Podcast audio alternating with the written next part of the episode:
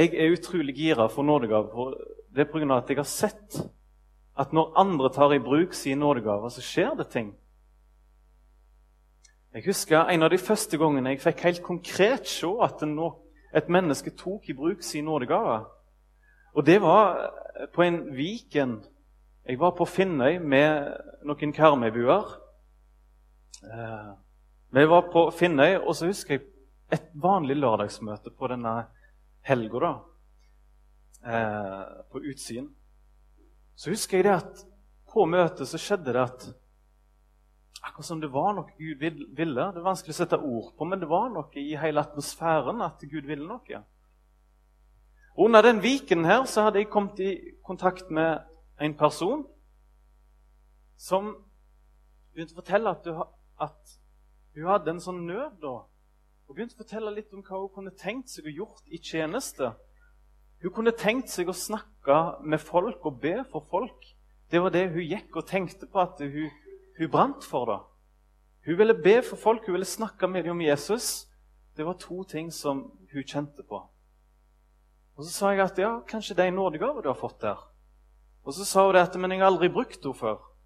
Jeg vet ikke hva jeg går til hvis jeg skal begynne å be for mennesker og snakke med dem om Jesus. Jeg har ikke erfaring med det, men jeg vil det. Og på dette møtet her så satt hun jenta, og så skulle vi gå over til ettermøtet, at det skulle bli åpent for forbønn og samtale. Og så kjente jeg det at jeg kan ikke sitte her alene og ta imot folk. Jeg må få med meg hun der. Jeg er sikker på at hun skal bli med nå. Og Så pekte jeg bare på henne og sa at du må bli med nå. Og Så fant jeg en plass til henne. Her sitter du, og så sitter jeg her. Det var i et stort rom, og vi fikk hver sin ende vi satt i. Og På det møtet der så kom det person etter person og sprang til hun jenta. Og jeg satt der litt og tok annenhver person av det hun fikk. Så jeg var nesten litt sånn 'Hallo, hva med meg, da?' Jeg ble nesten litt misunnelig. Mange som bare sprang til henne. Og så kom hun bort til meg etterpå og sa at oh, det var så mange som bare fortalte om ting. Og sånn. Og forresten så var det ei som ble, hun ville bli en kristen, som vi ba at hun måtte bli en kristen. Så jeg tror jeg har blitt kristen nå, altså. Så tenkte jeg, Så stilig, så herlig. Sånn er det når nådegaver tror jeg, i praksis fungerer. at Det sto en tom stol, det var en tjeneste noen skulle ha, og hun gikk inn og gjorde det. Hun var redd, hun hadde ikke noe erfaring, men hun gikk et steg i tru. Og Det er det jeg tror nådegave handler om. Folk skal bli frelst, folk skal få hjelp. Folk skal, eh, Fellesskapet skal vokse. Og så står det mange stoler tomme pga. at vi kanskje ikke våger. 90 sier det at de vet ikke hva nådegaver de har. Allikevel så står det at alle kristne har fått en nådegave. Minst ei. Og det synes jeg, Hvis det er en sann statistikk, hvis du kjenner deg igjen i den statistikken, da er det på tide at vi begynner å gjøre noe med det. Da må vi slutte å ikke være uvitende om det. Nå må vi begynne å finne ut hva det er for noe, og hva nådegave du har fått. 90 vet ikke. Og så er det òg blitt sagt at 20 gjøre 90% av arbeidet i en menighet. Men dette er en sånn generell statistikk litt rundt omkring i landet. Vi skal få opp et lite bilde som jeg har lagd. Hvis vi hiver litt Stavanger-dialekt Jeg vet ikke hva gave jeg har! Jeg fant ei handlekorg, et bilde, med en pakke oppi. Og det at vi som er kristne ikke vet hva for en egenskap og hva gave det Gud vil bruke deg til, det blir liksom litt sånn dumt, akkurat som vi triller rundt med trillevogna vår. Og så har vi fått en gave fra vår far, og så springer vi rundt 'Jeg vet ikke hva gave jeg har, men jeg har fått en!' Jeg, jeg vet ikke! Det er jo Bare stopp opp litt. Grann. Ikke gå lenger nå. Ikke, ta så, Bøy deg litt ned, og så ta det med ro og se hva gave du har fått egentlig av Far i himmelen. Vår Far i himmelen vil ikke du skal gå rundt omkring med en innpakka gave, er sikkert og visst. Det står i 1. Korinterbrev 12,1.: Når det gjelder de åndelige gaver, vil jeg ikke at dere skal være uvitende. Og så tror jeg at det fins minst seks grunner til at jeg og du kanskje ikke vet om nådegaven ennå. Kanskje ikke vet hva gave du har fått. Jeg tror punkt nummer én jeg tror det er altfor lite undervisning om dette her. Det blir ofte nevnt i en bisetning at det er viktig med nådegaven og viktig med tjenester, men det blir ikke, det blir ikke undervist om det skikkelig. Punkt to ikke hva gave vi har, for vi søker det ikke skikkelig. Kanskje pga. frykt for svermeri og for det ukjente. Og det er nok noen menigheter rundt omkring som har gått litt bananas av og til når det gjelder nådegaver. Og Plutselig der klatra en opp i en gardin, og plutselig der gjorde den det, og så ble det bare kaos. Og så har noen andre rapportert dette her ut og sagt at dette, er, dette skal vi vokte oss for. Og så blir det sånn at nei, da blir det ingenting gjort med det. da. Pga. at noen gjorde en tabbe, så får ingen lov å forske på det. Men andres feil skal vi heller ta lærdom av, ikke holde oss vekke fra ting, mener jeg. For, eh, så frykt for svermeri og frykt for det ukjente det kan hindre oss i å leve ut nådegavene. Punkt nummer tre janteloven er typisk norsk. Du skal liksom holde litt lav profil. og eh, Jeg lærte på skolen at hvis du skulle få skryt for en tegning du hadde malt, eller tegnet, så skulle du alltid si er det er veldig stygg, denne tegningen her, altså. Og så skulle alle komme. 'Å nei, å nei, han var kjempefin.' 'Bare se den ja, han er så fin.' 'Å nei, å nei, han er stygg.' 'Å, han er fin.' Jeg er veldig imot janteloven. Jeg syns den kunne vært skutt. Men her handler det faktisk om når du får en nådegave eller, eller bruker en tjeneste, så skal du faktisk alltid slappe av med det at dette her er faktisk Gud. Det er Han som skal ære. Og, og jeg kan faktisk frimodig si at Gud har gitt meg noe innenfor det og det området, så jeg vil gjerne hjelpe til å tjene. Så Du kan faktisk si det med full frimodighet. Gi Gud ære og si at han har gitt deg noe flott som du vil ta i bruk. Ehm, det skal vi ikke skamme oss over noe fint som Gud gir. Men janteloven på den teite måten kan hindre oss i å bruke våre gaver. For jeg er jo ingenting. Litt den. Punkt nummer fire. Det kan være en elendig heiekultur av og til i en, i en menighet. Vi glemmer ut at en menighet skal egentlig være akkurat som et, trenings, et treningsrom. Der vi skal øve oss opp i nådegavene. Og hva er, vi, hva er det vi er vant med når vi er på fotballbanen? Hvorfor er det sånn at på fotballbanen eller i volleyball eller noe sånt, så hører vi hele tida 'Kjempebra jobba! Den fikk du!' Uh, det er liksom sånn hele tida. Men med en gang vi kommer inn her, så blir vi liksom litt stille, og vi har liksom ikke den samme entusiasmen og like lett for å si at 'det der var bra jobba', altså. Så jeg tror det har mye med, Hvis vi har for dårlig heiekultur, så kan nådegaven forsvinne. Vi skal få opp et vers i Hebreeren 10, 24. Dette er det som vi skal gjøre i en menighet. Og La oss jakte på hverandre, så vi oppgløder hverandre til kjærlighet og gode gjerninger. Skal heie på hverandre og skryte og gi kompliment til hverandre. Så går vi tilbake til bildet og ser på punkt nummer fem. En av hindringene er faktisk at vi ikke vil binde oss til noe menighet. Hvis kristne blir som trekkfugler og går der det enten er mat, og der det er varme og der det er godt, da får vi mange menigheter rundt omkring som bare blir tappa for energi. Hvis kristne går litt der og litt der og litt der, og så er det akkurat som en sånn og Det, det er kjempebra å gå og få inspirasjon og gå også, Hvis du har tjeneste i en menighet, så har jeg kjemperespekt for at det er bra å gå en annen plass bare for å slappe litt av. Personlig så her jobber jeg og tjener veldig mye. Men når jeg kommer på søndagsmøtene på M1 i morgen, da sitter jeg og bare åh, Da slapper jeg av. Så det er viktig å ha en plass der du kan få slappe av. Men vi kristne skal aldri bli trekkfugler. Dessuten så står det at jeg og du er faste lemmer på et legeme. Vi er fast kobla til Jesus. Vi skal ikke springe rundt omkring og være helt fri som fuglen, faktisk. Det er ikke bibelsk å gjøre det. Få opp 1. Korinterbrev 12,27. Dere er Kristi legeme og hver for seg hans lemmer. Du skal være kobla på en plass, så at andre kan regne med deg og være glad for at du er en del av det fellesskapet. Og så ser vi det siste punktet som kan være et problem. Det er hvis vi er lunkne som kristne. Vi er likegyldige. Vi bryr oss ikke om hverandre. Vi bryr oss ikke så mye om hva Gud vil i våre liv. Og da, da blir det på samme måte som Hvis du tar fram en kaldematrett fra frysen som har rim og frost rundt seg Det er bare en klump med mat. Du aner ikke hva det er. Men hvis du tar denne klumpen her, slenger den i ovnen, hiv på 220 grader og venter litt, så åpner du opp, så kan du Aha, jeg har ribba i frysen. Du kan lukte hva det er etter hvert, for du har gitt det varme. Det er et ganske enkelt bilde, egentlig. Sånn er det med meg og deg som er kristne òg. Hvis vi er vekk fra Jesus og er lunkne, så blir vi kalde inni oss, og det kommer ingenting ifra oss. Det kommer ingenting frukter ifra oss som kjennetegner hva er det som brenner i oss, hva er det som er vår nådegave. Det er bare en isklump som fer rundt omkring. Og Vi kan få opp et bibelvers, Johannes 15,5, der Jesus sier på denne måten om samme saken. Jeg er vintreet, dere er grenene.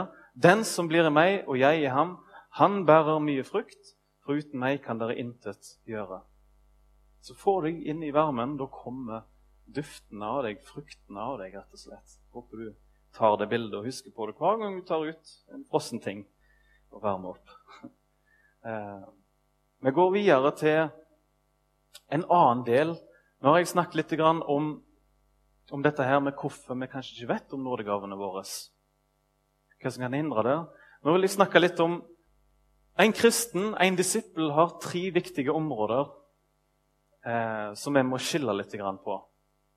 Nummer én alle dere som er her, har en allmenn kristen utrustning. Og den utrustningen i seg sjøl er så sterk at vi kunne kanskje bare klart oss med det, hadde alle brukt den. For det første så har du en allmenn vitnetjeneste i deg, et vitnesbyrd som du kan bruke og fortelle andre om Jesus på din måte. For det andre så har alle fått bønneretten. Du har fått dynamitt i nevene dine. I Gud så er du som ei atombombe i forhold til bønnemakten. Det har alle fått, og vi må bruke det. For det tredje så står det i Galaterne 5.22 om åndens ni frukter. Du har fått kjærlighet og fred og glede og langmodighet, tålmodighet og avholdsmulighet. Og alt mulig har du fått i Den hellige ånd som bor i deg. Ni frukter. Og når de får lov å vokse ut, så vil mennesker se deg og tenke hvorfor i alle dager er du sånn? Jo, for du har Jesus i deg. Du begynner å ligne på Jesus. Alle har muligheten til det fordi Den hellige ånd er gitt oss. Og vi har fått Den hellige ånds kraft, nummer fire. Og nummer fem har fått makt over demoner. Alt dette er en allmenn kristen utrustning som du har, som du kan bruke hver dag uten å spørre Gud har jeg det eller har jeg ikke det. Fantastisk.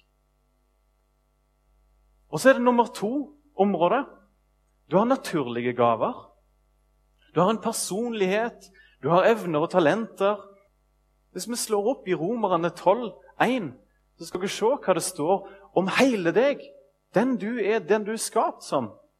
Jeg formaner dere altså, brødre, ved Guds miskunn, at dere fremstiller deres legemer som levende og hellige offer til Guds behag. Dette er deres åndelige gudstjeneste. Still fram livet ditt, still fram utdannelsen din til disposisjon for Gud. Så vær frimodig med det som du har lært deg, det som du kan, på forskjellige måter. Og så det siste området. Da går vi inn på nådegaver, som det handler om her i Salem-timen nå. Punktvis der alle dere har mottatt én nådegave. Det står i 1. Peter 4,10, svart på hvitt. Nummer to det er blitt gitt deg som et guddommelig utstyr det skal være effektivt å tjene andre, utvide og utvikle Guds menighet. Det er derfor den nådegaven fins. Vi skal få vekkelse og vekst. Punkt tre. Alle får en nådegave gratis, uten noe fortjeneste eller pga. at nå fikk du en level up eller hva som helst. Du får det gratis, men den må trenes opp og øves opp. Ser dere forskjell på de to tingene? Du får det gratis, men du må trene den opp i lag med Jesus. Og punkt fire en nådegave helt uavhengig av deg som person, men det kan ofte ha en sammenheng med din naturgave. Men så lenge en menighet blir oppbygd, så syns jeg vi kan kalle alt i sammen som en gave til menigheten. Så lenge du blir oppbygd. Men hva med å gå litt inn på disse nådegavene, da? Det er opplista 21 nådegaver, og hvis du leter litt rundt omkring, så finner du i alle fall 30 stykk. Nå skal jeg gå gjennom hva en hyrde er for noe. En hyrde Og mens jeg går gjennom nådegavene, så håper jeg at du kan være litt i bønn til Gud og litt åpen for hva det er jeg blir dratt imot av det som jeg nevner for dere. En hyrde er den omsorgsfulle typen som går, går foran menigheten, vokter flokken, gir mat, altså taler til dem og finner ut hva, hva, som skal bli talt om, finner folk til å komme og mate flokken. Og så leter han òg etter fortapte som er svake eller kommet vekk ifra flokken. Det er det en hyrde skal gjøre, akkurat som en gjeter. Enkelt å huske. Den som styrer, det er den grundige typen i en menighet som er flink med administrasjon og å forvalte ressurser. Lederansvar det er de visjonære typene. De er flinke å motivere. De tar ansvar for områder, og de får folk med seg i tjenesten. I Salem opererer vi med en del mellomledere. Vi har forskjellige områder som vi må ta oss av, og avhengig av at noen går inn og tar lederansvar. Det er tre hovedting som fins i en menighet i ledelsen og andre òg vil nevne en fjerde ting som heter apostel. Apostler i dag, det er folk som har overoppsyn over flere menigheter, og de har egenskaper som menighetsplantere. Hvis vi går på nummer to, inn på taleområdet Med en gang det var pinsedag og 120 mennesker fikk Den hellige ånd, så sprang Peter ut mot folkemengden som ble nysgjerrig på alle som talte i tunger. Og Så sprang han ut og møtte dem, og så talte han til dem. Og så var det, var det 3000 den dagen som ble frelst. Og Da viste Gud at min strategi nummer én det er at Guds rike skal bryte fram med forkynnelsen. Den første gaven som var i funksjon, den første gaven som måtte til for at mennesker skulle bli frelst, det var talegaver, forkynnelse. Innenfor talegaven så har vi stort sett tre ulike talegaver, kanskje fire, som blir nevnt i Bibelen. Vi har en talegave som heter profet, eller profeti. Det er rett og slett en person som får et budskap ifra Gud. Og Når han begynner å tale det til menigheten, så vil mennesker bli avslørt i sine hjerter. En profet han, eh, han, gir et budskap som passer perfekt inn i situasjonen og i tida menneskene lever i, lever i, i menigheten. Men hver profeti må prøves på Guds ord, om det stemmer. Og det kjennetegner at det skal føre til at det blir en oppbyggelse og trøst i menigheten. Men det som er kult nå, da Vi har profeter som har det som en nådegave, men alle kan tale profetisk. Hvis du på et vitnemøte typisk og du kjenner at nå nå minte Gud meg om noe som bare må fram. Sannheten må fram. Og du stiller deg fram og deler noe og sier at jeg, jeg ble minnet om det og det. Og jeg lurer på om noen av dere trenger dette her. Da kan det være profetisk tale. Men hvis det begynner å komme noe helt hokus pokus, da skal noen andre i menigheten gå fram og si at dette her stemmer ikke overens med Guds ord. Og vi skal ikke forakte profetier, men vi skal prøve det om det stemmer. Men noen vil tolke en profet som en salva forkynner. At det kan være en som gir et guddommelig budskap, og det kan òg være en forkynner som er salva av Gud og deler ut Guds ord. Nummer to en lærer. Det er en som formidler djup bibelkunnskap på en lett måte. Og så fins det en gave som heter kunnskap i Bibelen. Den har to tolkningsmåter. Den ene er at han får stadig åpenbart sannheter i Bibelen. Det er bare å åpne seg opp for han. Og nummer to er det at kunnskapens gave kan òg være at en person får plutselig vite ting om deg så ikke han, hadde, han eller hun hadde forutsetning til å vite fra før av. Jeg tror i alle fall at det er logisk med kunnskapens gave at det er noen som får veldig innsikt i Guds ord. Jeg tror den er mest normal. Og jeg tror at en som har en gave til å undervise og lære ifra seg, han har ofte òg gaven med kunnskap, at han får ting åpenbart i Bibelen. Så han gang på gang kan stå fram og ha bibeltimer og undervise kristne i Guds ord. Og så har vi en siste kategori som heter evangelisten innenfor tale. Evangelisten han er rett og slett den typen at han er veldig frimodig, kjennetegnes. Han kommer lett i kontakt med ikke-kristne. Han, han, klarer aldri å bli lei av å se etter muligheter og fordele evangeliet og snakke om Jesus til noen. Og I en menighet så er han satt til å forkynne til vekkelse. Kristne som holder på å dovne av, eller ikke-kristne som er på møtene. Da skal vi ha en evangelist som klarer å vekke litt folk og få folk til å komme til tro. Så det er stort sett innenfor taleområdet de hovedtingene som er nevnt. Vi kan gå inn på noe annet som er litt spennende og litt diffused. Åndelige gaver. Nå skal jeg fortelle dere om evangelisten Philip for å gi et eksempel på åndelige gaver. hvordan de blir brukt. Philip han var en evangelist som fikk et kall til å reise inn til Samaria, byen. Og I Samaria så var det mange som var bonden av demonisk makt. Og Så kom han inn der og taler. Han er evangelist, så han taler, men han var samtidig utrusta med gaver som helbredelse og undergjerninger og demonutdrivelse.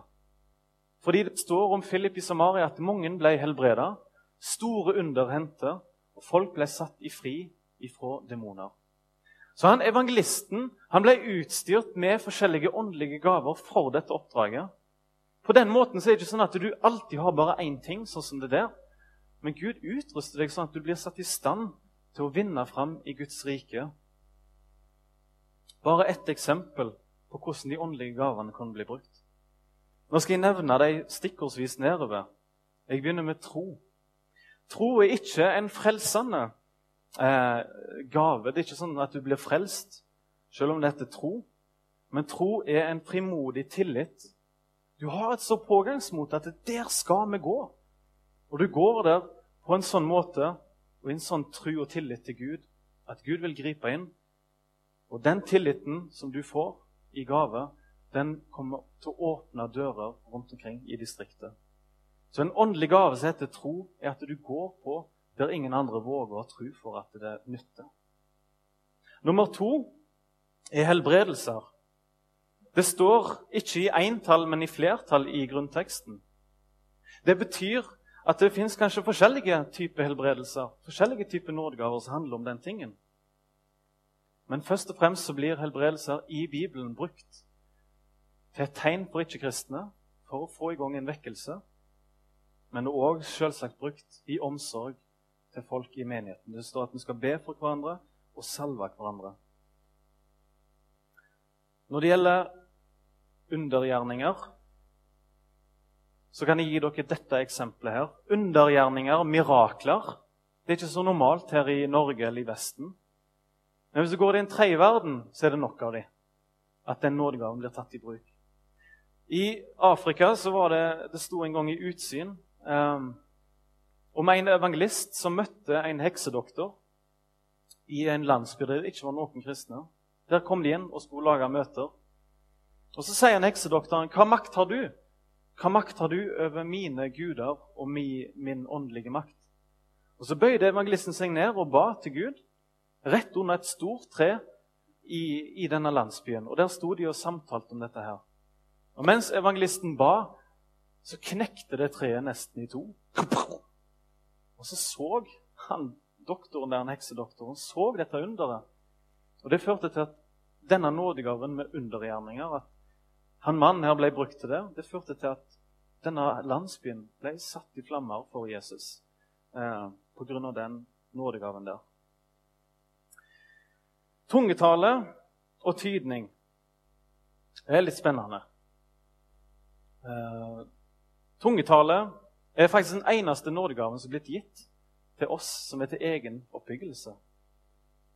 Å tale i tunger, tale hemmeligheter for Gud på et språk du ikke forstår, at du snakker i hjertet ditt for Gud og kan òg snakke med munnen din, det er den eneste gaven som er for din egen oppbyggelse av alle som er nevnt i Bibelen.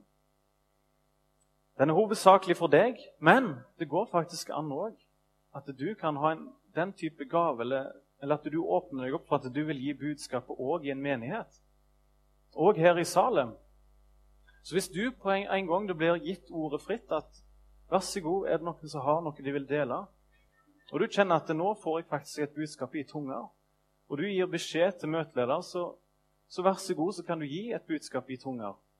Men det skal òg samtidig bli spurt etter er det noen som har tydningen. For vi skal òg få denne her tungetalen tyda, sånn at vi forstår hva som ble sagt. Det verste som skjer, er at vi får ikke tydning. At ingen kommer og tyder. Kanskje fordi de ikke vågde, eller for Gud ikke hadde gitt oss det ennå. Da er det eneste vi kan gjøre, å be om å få det. At noen blir utrusta med det.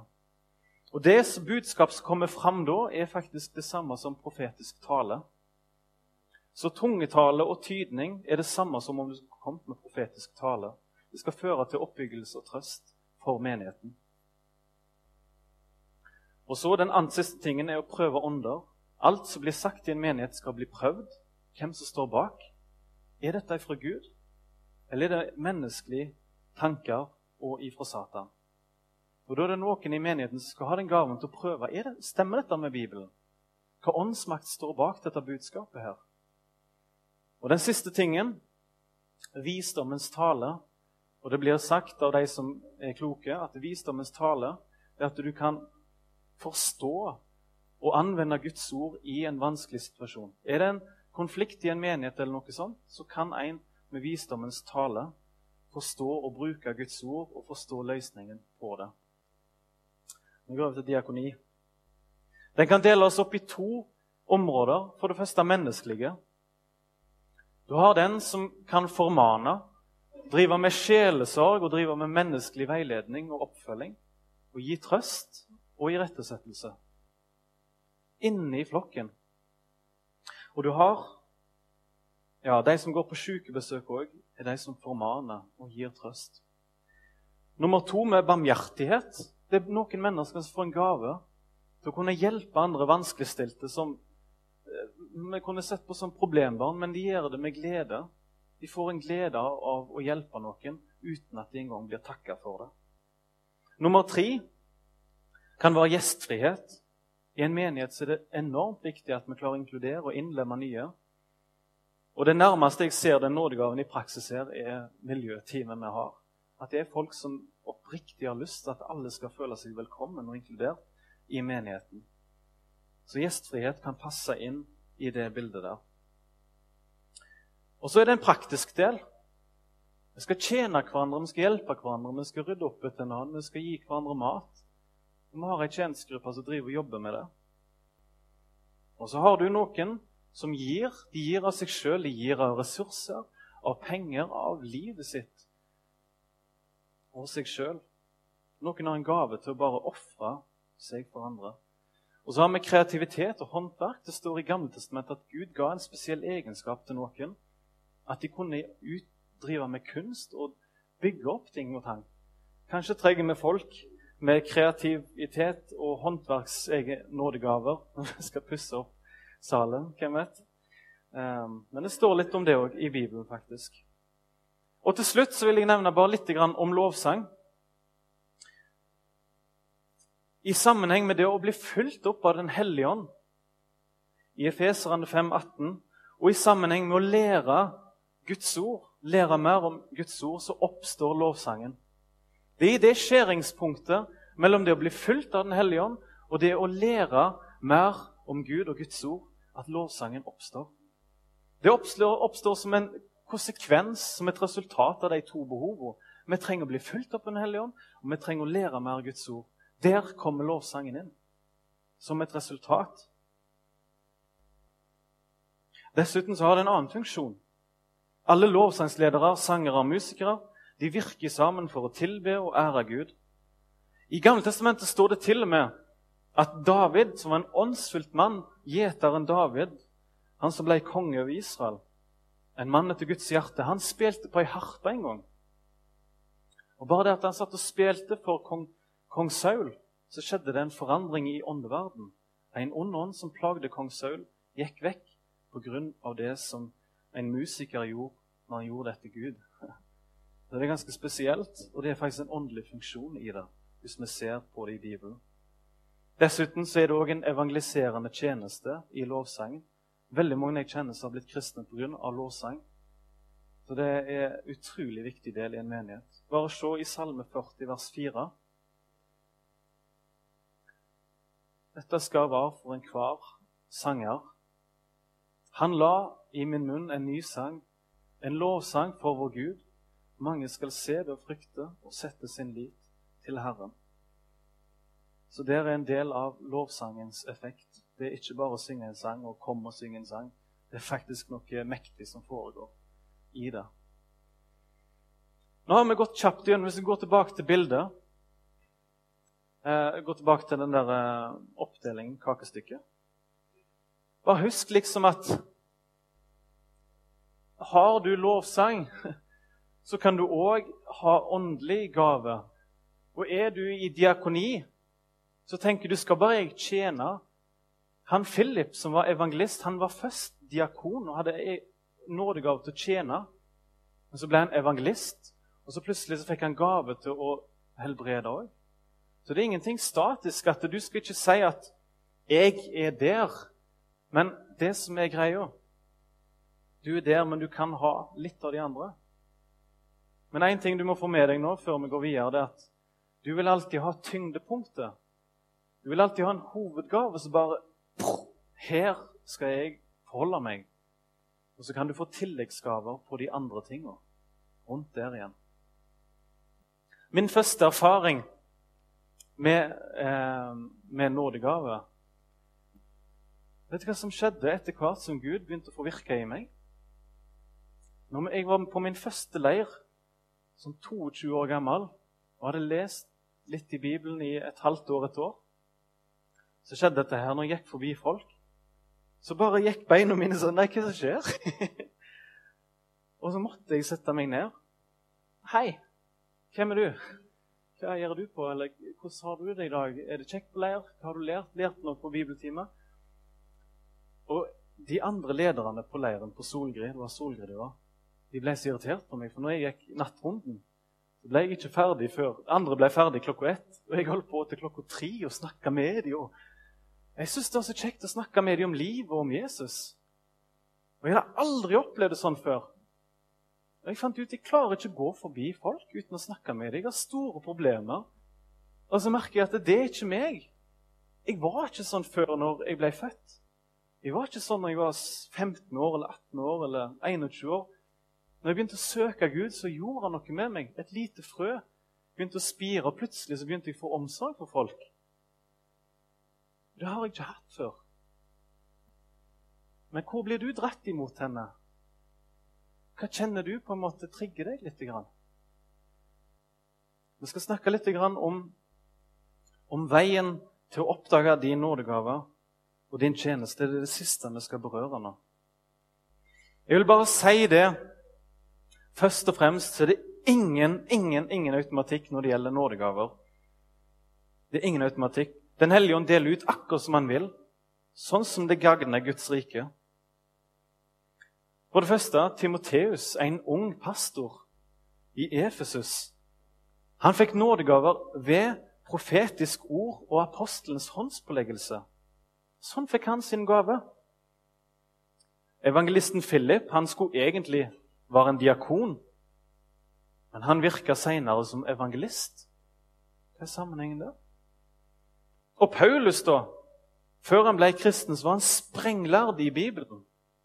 Etter han ble en kristen, så fikk han nådegaven til å lære som var ganske likt. Bare eksempler som viser at det er ingen automatikk. Seks ting som kan hjelpe deg å oppdage. Hvis du skal begynne med å finne din nådegave, så begynn med dette her. Det er bønn. Bruk masse tid på bønn. Snakk med Gud om det som ligger deg på hjertet, og be Han om ledelse. Be Han om å fylle deg opp med kjærlighet. Og Det står i Bibelen at hvis du skal gjøre noe, og du gjør det uten kjærlighet, så er det som ei klingende bjelle om morgenen. Bare irriterende. Hvorfor gjør du det? Hvorfor gidder du? Men gjør du det av kjærlighet, så vil folk ta imot det du har å gi. Og så må du be om tjener sin. Du skal faktisk tjene andre mennesker. Det handler ikke om deg, det handler om fellesskap. Du skal bare ønske at folk skal bli ti ganger bedre enn deg sjøl. Du vil at folk skal ha det ti ganger bedre enn deg. Det kjennetegner tjenere sine. Du ofrer deg for andre. Det står i Filipperne 2,5 akkurat det med tjeneren sin. Jesus ofra seg sjøl for oss. Det betyr at vi skal også ofre oss for hverandre. Nummer to hva har du lyst til, da? Hva har du lyst til å gjøre hva, hvis du tenker deg litt om over alt vi har snakket om nå, og tenker deg om i en menighet eller her ute i verden? Hva gir deg glede? Hva har du lyst til? Hva tror du kan gi deg glede? Og nå skal du, dette er punkt nummer to skal du tenke ikke bare at du skal gjøre det én gang, men en nådegave kjennetegnes med at du klarer å gjøre det over tid. Og Hvis du sier nei, jeg kunne tenkt meg å ha en tale, jeg kunne tenkt meg å ha hatt 50 taler i løpet av året Nei, det glem det. Ja, 50 var ganske mange. En gang i uka. Men, eh, men du skjønner poenget. Kunne du tenkt deg å stå på kjøkkenet og hjulpet til å lage mat? Jeg kan gjøre det én gang. Hadde du klart å gjort det i løpet av et helt år? Nei, det tror jeg ikke. Det kjennetegnes med at du klarer å gjøre det over tid. Det kjennetegnes med en nådegave. Veldig lett huskeregel. Klarer du å gjøre det uten å bli tappa og bli lei, så er det sannsynligvis en nådegave. Punkt nummer tre. Siden du skal tjene andre mennesker, så er det bra at du begynner å snakke med dem. Søk forbønn og samtale med andre i menigheten og del dine tanker. Gjerne i ei bibelgruppe. Perfekt plass å begynne. Punkt nummer fire. Skaff deg så mye kunnskap fra Bibelen og litteratur så, så, du kan om hvordan tjenesten din fungerer. Prøv og feil. Det er en lov i Guds rike som heter sennepskornets lov. Det er et lite frø som du får.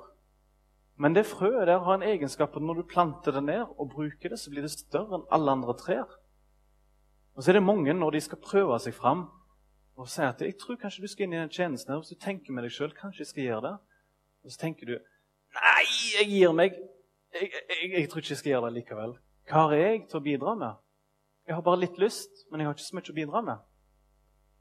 Og så er det sånn at Når Gud gir deg en gave, så gir han det først med en bitte liten sånn som det der. Bitte lite korn. Og så sier du kanskje til Gud 'Ja, men Gud, litt større!' enda litt større, så jeg er litt mer trygg på at jeg kan gjøre noe. Nei, prøv det du har fått. Prøv å bruke det som du har fått, og se. Ja, men det er så lite. Hva dette betyr? Ja, men Prøv å bruke det du har, og hvis du klarer å bruke det du har, skal du få noe større av meg. Og Så begynner du å plante en liten ting. Kanskje hvis du var en evangelist, så gikk du bare bort til en person og sa Gud er glad i deg, husk det. Der ble han en kristen. Du vet aldri. Du vet aldri, men det var bare et teit eksempel. Du må liksom bruke de små tingene før du, eh, før du går inn i de store ansvarsoppgavene. Sennepskornets lov heter det. Dessuten så handler det om at du ikke skal bli stor og hovmodig. Det handler om at du skal stole på Gud og være avhengig av Han, så du får mest mulig kraft inni deg. Og at det er Han som blir opphøyd. Punkt nummer seks, det er det siste. Våg å søke bekreftelse ifra andre og ifra lederskapet i menigheten. Siden det andre du skal tjene, og ikke deg sjøl, så nytter ikke at du går rundt omkring som en propell i din egen verden. Du må våge å være litt sårbar og få tilbakemeldinger på det du holder på med. Og det vil hjelpe deg videre til å bli enda bedre. Det synes jeg er en snodig ting med nådegaver. Vet du hva det er? Du ser det som regel, eh, som regel ikke sjøl, hvordan du virker. Du ser det som regel ikke sjøl. Et eksempel er i andre Mosebok eh, 34-29. Moses hadde vært i lag med Gud. og Så kom han ned fra fjellet. Så sto det at han gikk ned fra fjellet. Han hadde vitnesbyrdets to tavler i hånden, altså de ti bud. Men Moses visste ikke at hans ansiktshud skinte fordi han hadde talt med han. Altså Gud hadde talt med Moses, så ansiktet hans skinte som ei sol. Andre mennesker så bare langveis han kom der. Wow, glowing. Andre mennesker Wow! Sjekk hvordan det stråler fra han da. Men han bare Hva ser så rart på meg for? Han så ikke sjøl at han skinte ut noe godt. Det er bare et lite tips. Du er nødt til å få tilbakemelding fra andre. Det er en veldig god huskeregel. Men den aller største regelen når du skal på vei imot nådegave og oppdage tjenesten, så husk hva David, hvordan han levde. I apostelgjerningene 13, vers 36. Dette er vitnesbyrdet om David, kong David, hvordan han levde. For David sov inn, altså døde, etter at han i sin levetid hadde tjent Guds råd. Punktum. Det var bare det. Han, han, tjente Gud så lenge han levde. Det er det det handler om med nådegaver. at du, Stikkordet er tjenerskap. Bare spør deg sjøl hva, har, hva kunne du tenkt deg å gjort for andre. Hva kunne du tenkt deg å blitt brukt av Gud til? Og så ikke kom unnskyldningene. Vet du hva det første folk i Bibelen sier når, når Gud kaller dem? Moses han sa 'Jeg klarer ikke å snakke for meg'. Og Han ble kanskje en av de største talerne som fins. Jeremia, profeten, han var ung og sa 'Nei, Gud, jeg er for ung'. Og han kom med unnskyldninger. Det, alle kommer med innvendinger når det begynner så vidt å bevege på seg. Hva har vært din unnskyldning? Passer ikke nå. Jeg vet for lite. Bare vent, jeg har mer tid. Bare begynn nå. Begynn i dag. Hvis du ennå ikke er sikker på hvor du skal tjene henne. Jeg sier deg en annen ting òg. Hvis du går inn i tjeneste innenfor din nådegave, skal jeg si deg en liten hemmelighet. Du kommer til å lese Bibelen på en helt annen måte. Du kommer til å lese Bibelen og kjenne deg igjen mer når du leser. For du har fått et område som står om i Bibelen. Og Det må være ufattelig kjedelig når du leser om lederskap i en menighet hvis du ikke er leder sjøl. Og det må være veldig kjedelig å lese om sang hvis ikke du er med og synger sjøl. Det må være veldig kjedelig å drive med evangelisering når du, eller lese om evangelisering når du ikke evangeliserer sjøl. Tenk hvis det er ingenting du er med på i Guds rike, og så leser du om Guds rike, og så kjenner du deg ikke igjen. Meningen er at du skal gå inn i det som står i Bibelen, for Gud har noe for deg. Da begynner du å lese Bibelen på en helt annen måte, for du leser om det du holder på med. Derfor vil Gud at du skal inn i, i en plan. Yes. Nå har jeg skurt så vidt overflaten når det gjelder nådegaver. Jeg har ikke snakket om nyanser og ikke dybden, eller noe, men jeg har gitt dere noe i håp om at dere bare tar ett steg nærmere. Og så skal jeg òg ta ett steg nærmere. Og så må vi gjøre de sammen. Og så tror jeg i løpet av noen måneder, det tar tid, så vil du merke kanskje at det skjer noe. At du får bønnesvar og bekreftelser, og en nød begynner å vokse fram i deg hvis ikke du allerede har det nå. Så skal vi be litt, så håper jeg at det, talen og alt er bygd opp sånn at vi skal fortsette ned i smågrupper etterpå og snakke om dette her nå. Jeg håper du har lyst til å gjøre det. Skal vi be litt. Kjære Jesus, jeg ber om at du skal utruste oss med dine nådegaver. Jeg ber om at du må lede oss. Og du ser alle som sitter her, som nå lurer på hva er det neste steget. Hvor er min plass, og hvor er det jeg skal inn og tjene? Hva retning er det? Må du lede dem og skape en brann i dem, så de forstår, så alle vi forstår hvilken retning vi skal gå. Og Så vil jeg òg be om at du må gi oss masse kjærlighet, sånn at ikke vi gjør ting av egne motiv, men at vi gjør det i kjærlighet til deg, Jesus, og til hverandre. Så gleder jeg meg til å se hva liv det blir i Salem hvis enda flere tar i bruk de gavene de har fått, og blir frimodige, Jesus. Det blir spennende å se. Må du kalle på oss, Herre, sånn at vi kommer enda nærmere din frelsesplan for distriktet og for de som er rundt oss, Herre.